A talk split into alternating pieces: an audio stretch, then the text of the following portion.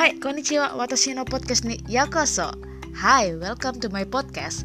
Halo, selamat datang di podcast saya Dila Bersuara.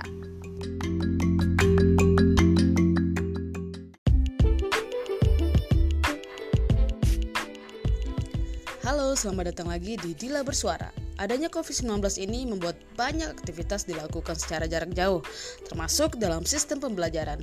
Awal-awalnya sih mungkin kalian ngerasa senang ya, karena bisa libur dalam tanda kutip nih untuk waktu yang cukup lama. Namun, lama-kelamaan mungkin ada di antara kalian yang mulai ngeluh, daring lagi, daring lagi. Nah, mungkin gak sih pembelajaran jarak jauh ini meningkatkan level stres kalian? Oleh karena itu, saya mau coba nih kulik efek dari pembelajaran jarak jauh ini dari perspektif neuroscience. Saya undang pakar ahli syaraf Indonesia yang pertama kali saya jumpai di Jepang. Beliau adalah Dr. Pukovisa Prawiharjo.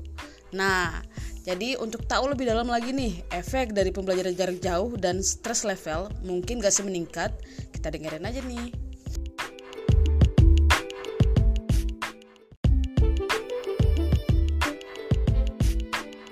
Ini hari ini hari hari ini di Dila bersuara kalian nggak cuma hanya bisa mendengarkan tapi kalian juga bisa melihat.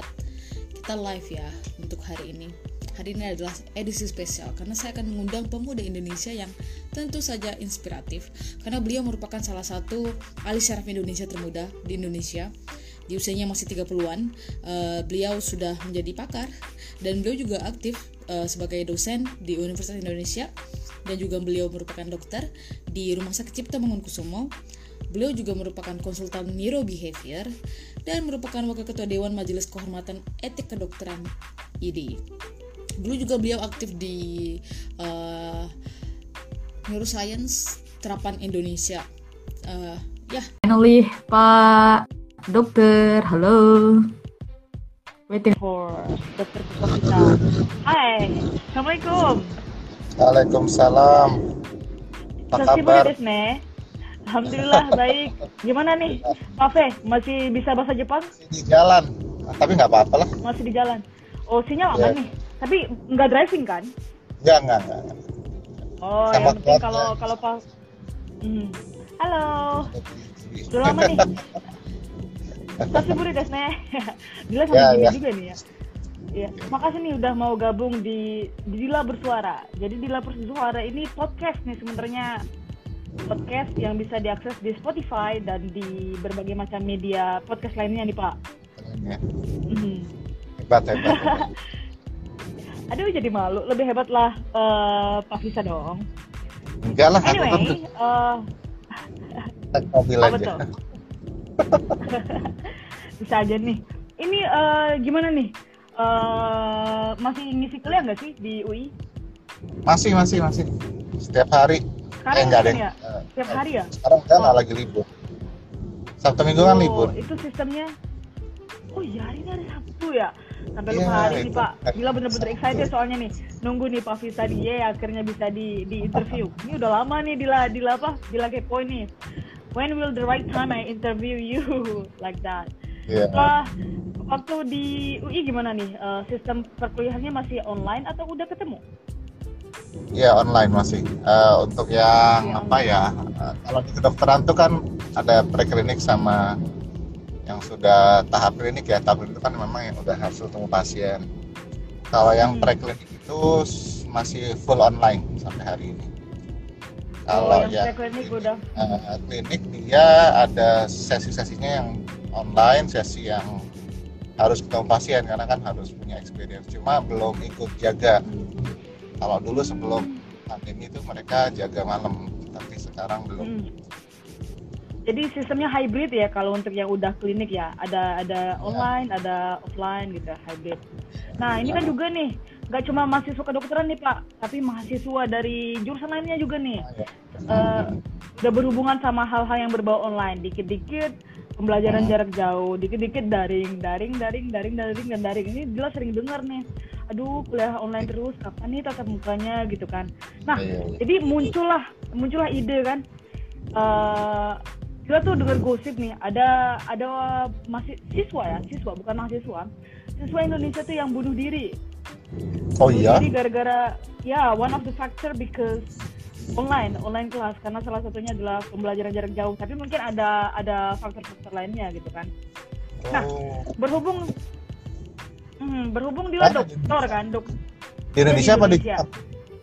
di Indonesia kalau di Jepang mah nggak usah online system juga udah udah ya udah melegenda gitu kan udah melegenda yang berbau dengan bunuh diri ini nah sekarang Saya di kira di Indonesia nih ikut-ikutan dia sama siapa gitu. itu eh, bahkan waktu masih masih hybrid ya ada yang bunuh diri kok dia ngeliat kereta Oh. Iya iya iya aku juga Hmm. ah, iya Hmm. sama. Hmm. Iya. Ya makanya. Jadi kan eh, untuk kasus di Indonesia ini jadi menarik nih. Berhubung dia kan Hmm. cuma dokter nih, dokter kan nggak bisa nggak bisa mendiagnosis nih. Kalau dokter kan bisa mendiagnosis, itu kan yang jadi beda nih eh, antara dokter dengan dokter. Nah, jadi tuh eh, hari ini tuh pengen ngebahas tentang stress level. Stress level meningkat karena pembelajaran jarak jauh. Itu mungkin Hmm. nggak sih? Nah, Ya untuk lah. menyamakan persepsi gitu kan Oh, iya, boleh. udah harus dijawab Eh, untuk menyamakan persepsi itu mungkin perlu didefinisin dulu nih pak apa sih sebenarnya definisi dari stres dalam dunia neuroscience Oh ya di neuroscience tuh Itu stres itu ya stres itu sebenarnya eh, peningkatan itu ya neurotransmitter adrenalin atau norepinefrin ya. Yang itu Hmm. sebenarnya sistem itu diciptakan Tuhan itu memang buat survival. Eh, kita Hmm. supaya survive itu mulai dari zaman prasejarah, zaman batu, zaman perunggu segala macam dulu ya. Sampai sekarang zaman modern tuh memang eh, manusia itu harus harus bisa punya stres karena ketika stres itu terjadi misalnya contoh kita dikejar kalau zaman dahulu dikejar singa gitu ya dikejar hewan-hewan yang bisa makan kita kalau sekarang mungkin kita dikejar deadline tau nggak juga ya? Nah itu debt collector. Debt collector. Nah itu sebenarnya eh, kan terjadi tuh eh, pompa adrenalin yang muncul ya di otak kita juga. Eh, termasuk juga di apa di tubuh-tubuh kita yang lain. Misalnya jantung menjadi lebih cepat berdetaknya terus eh, apa namanya otot jadi semakin eh, siap untuk kalau kita lari itu jadi semakin apa ya eh, efektif lah kerjanya gitu ya lebih bagus lebih, siap untuk lari karena pembuluh darah dipasok semuanya di otot. Ya sementara eh, pasokan yang lain jadi turun ya seperti di apa di pencernaan segala macam. Nah untuk otak meningkat. Makanya orang yang lagi dikejar pencopet atau atau atau nyopet malah itu kalau dia dia nyari jalan kabur nyari solusi itu pasti eh, lancar gitu ketika lagi stres termasuk mahasiswa-mahasiswa kan misalnya besok ujian gitu. Kalau mengaktifkan sistem ini memang cepat tuh daya tangkapnya daya memorinya. Tapi problemnya memori yang eh, muncul itu eh, easy come easy go jadi yang eh, kalau kalau yang apa yang dibentuk dengan adrenalin itu dia akan cepat terurai lagi. Eh, apa? Ah, ah. jadi kayak eh, kalau di kita kenal sebagai memory formation itu kan dia ada yang short term memory yang bentuknya tanda kutip masih distrik ya. Kalau ya bahasa bahasa itunya tuh ada hippocampus nanti ada CA1 CA3 mosi fiber bla bla bla Schaeffer dan seterusnya lah itulah. Ya itu biar yang pusing kita aja lah. Ya tetapi prinsipnya eh, itu cuma eh, cuma listrik bentuknya. Dan itu bagus kalau lagi survive itu lagi adrenalin itu tuh cepet banget listriknya dibuat. Cuma dia tidak mampu menjadi protein yang diharapkan jadi long term memory nah problemnya tadi jadi kalau nah sekarang kan kalau ya stres mungkin itu kali ya jawaban pertama dulu jadi stres itu adalah dari Hmm, hmm. neuroscience Hmm. sistem yang ada di otak kita eh, ditingkatkan eh, daya komunikasi otak yang namanya adrenalin itu. Mhm. Jadi eh, stres itu merupakan salah kalau di neuroscience bisa kita lihat bahwa ada peningkatan-peningkatan hormon di otak kita ya. Jadi jadi lebih lebih dominan daripada sebelumnya. Nah, cuma di masyarakat kita nih eh, suka ngomongin stres tuh suka ngomongin depresi, suka nyampur gini nih. Jadi Ya, gabung. Ah, gue depresi, ah gue stres. So which one? Sebenarnya kamu tuh depresi atau stres? Nah, sebenarnya tuh yang membedakan antara stres dan depresi itu apa nih Pak Fisa? Iya betul. Jadi stres itu kan eh, satu satu mekanisme yang tadi yang aku bilang tadi adrenalin itu ya. Sementara kadang-kadang kita menggunakan stres itu bukan buat survival tapi ya tadi buat deadline segala macam buat kerjaan. Yang kalau itu terjadi berulang berkali-kali dan secara kronik itu akan lama-lama jadi gini kalau di otak tuh ada kalau satu satu neurotransmitter muncul bes, apa dalam jumlah besar dia akan juga punya potensi menekan-nekan yang lain nah salah satunya menekan itu hormon yang nanti eh hormon lagi neurotransmitter yang nanti arahnya untuk kebahagiaan. Itu yaitu serotonin itu. Ya serotonin itu uh, happy hormone ya. Nah itu ditekan sama dia. Nah kalau kalau kronik stresnya dia karena kan serotonin nanti dia akan jadi mulai mulai menjadi depresi. Gejala-gejalanya mulai misalnya jadi malas ngapa-ngapain terus ya udah apa uh, ya nggak suka aja lah atau bahkan sampai punya insight tadi bunuh diri tadi seperti, seperti itu. Mm -hmm. Hmm, jadi uh, faktor yang membedakan antara stres dengan depresi kalau kita ulang lagi ya uh, depresi itu adalah stres yang berulang-ulang ya durasinya tuh nggak nggak sebentar tapi udah dalam kurun waktu mungkin enam bulan kali ya pak ya gitu ya?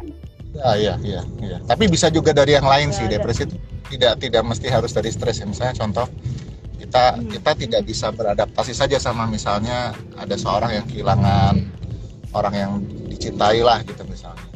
Ya kan itu kan satu ada ada kedukaan atau grieving yang yang apa dia nggak bisa kontrol itu dengan baik gitu.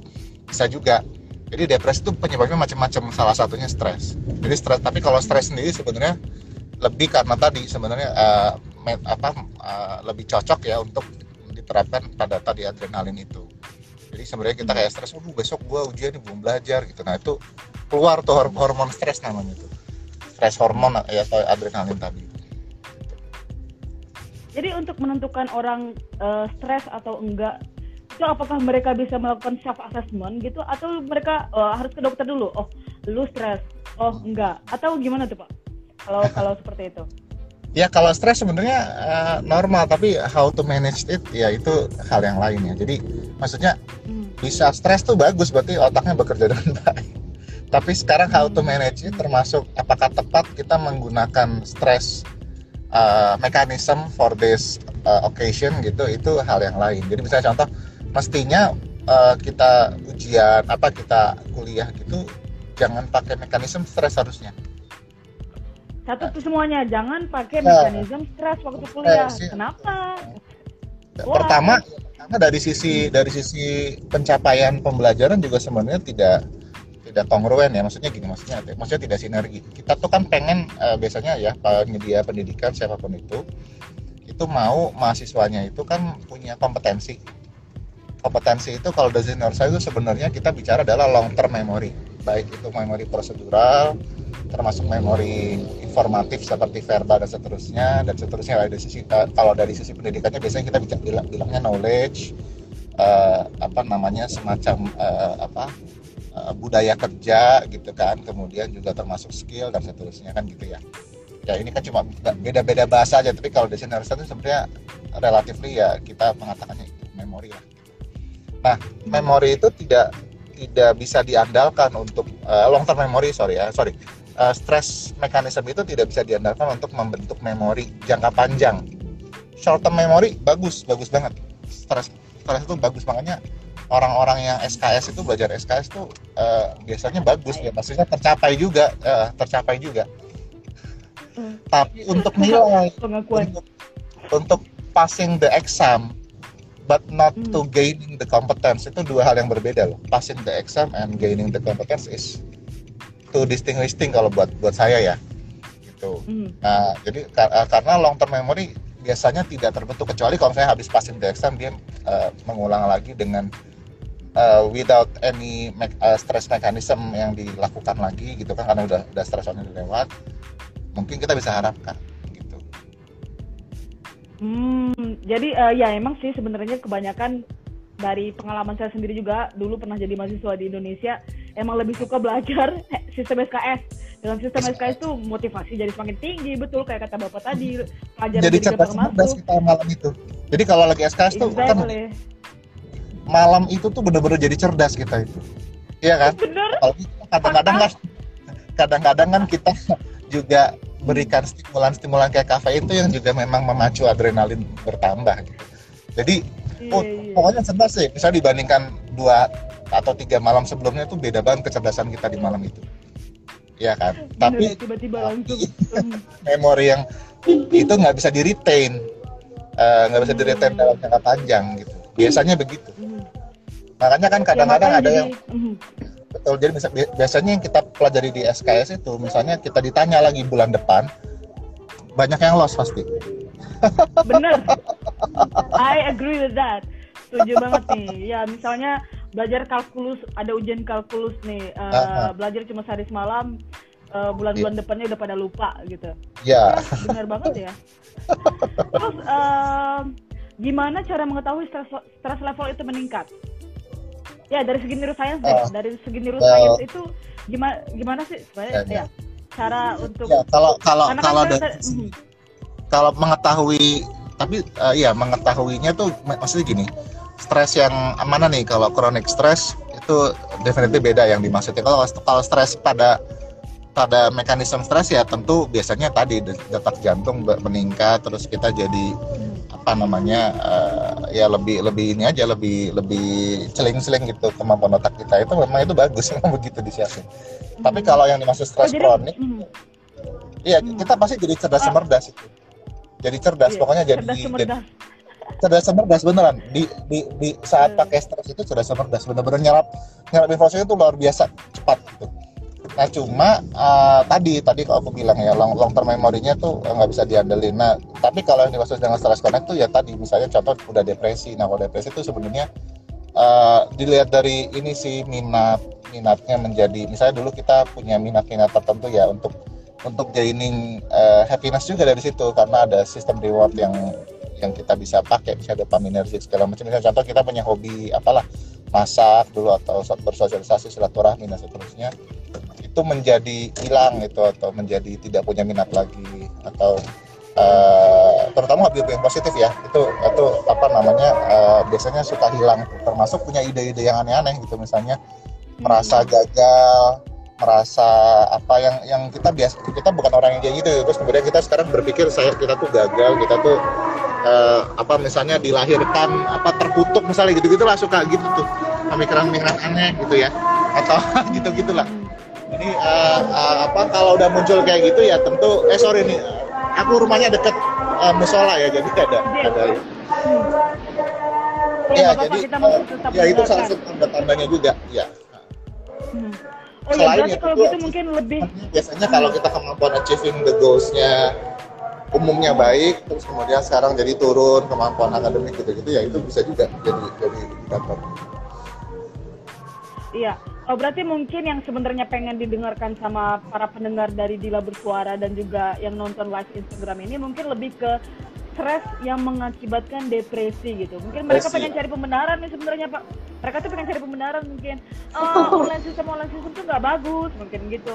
Tolong dong eh, bilangin, buktiin bahwa emang sebenarnya eh, pembelajaran jarak jauh tuh bisa bikin depresi gitu. Gimana tuh kalau kalau menurut Pak Visa?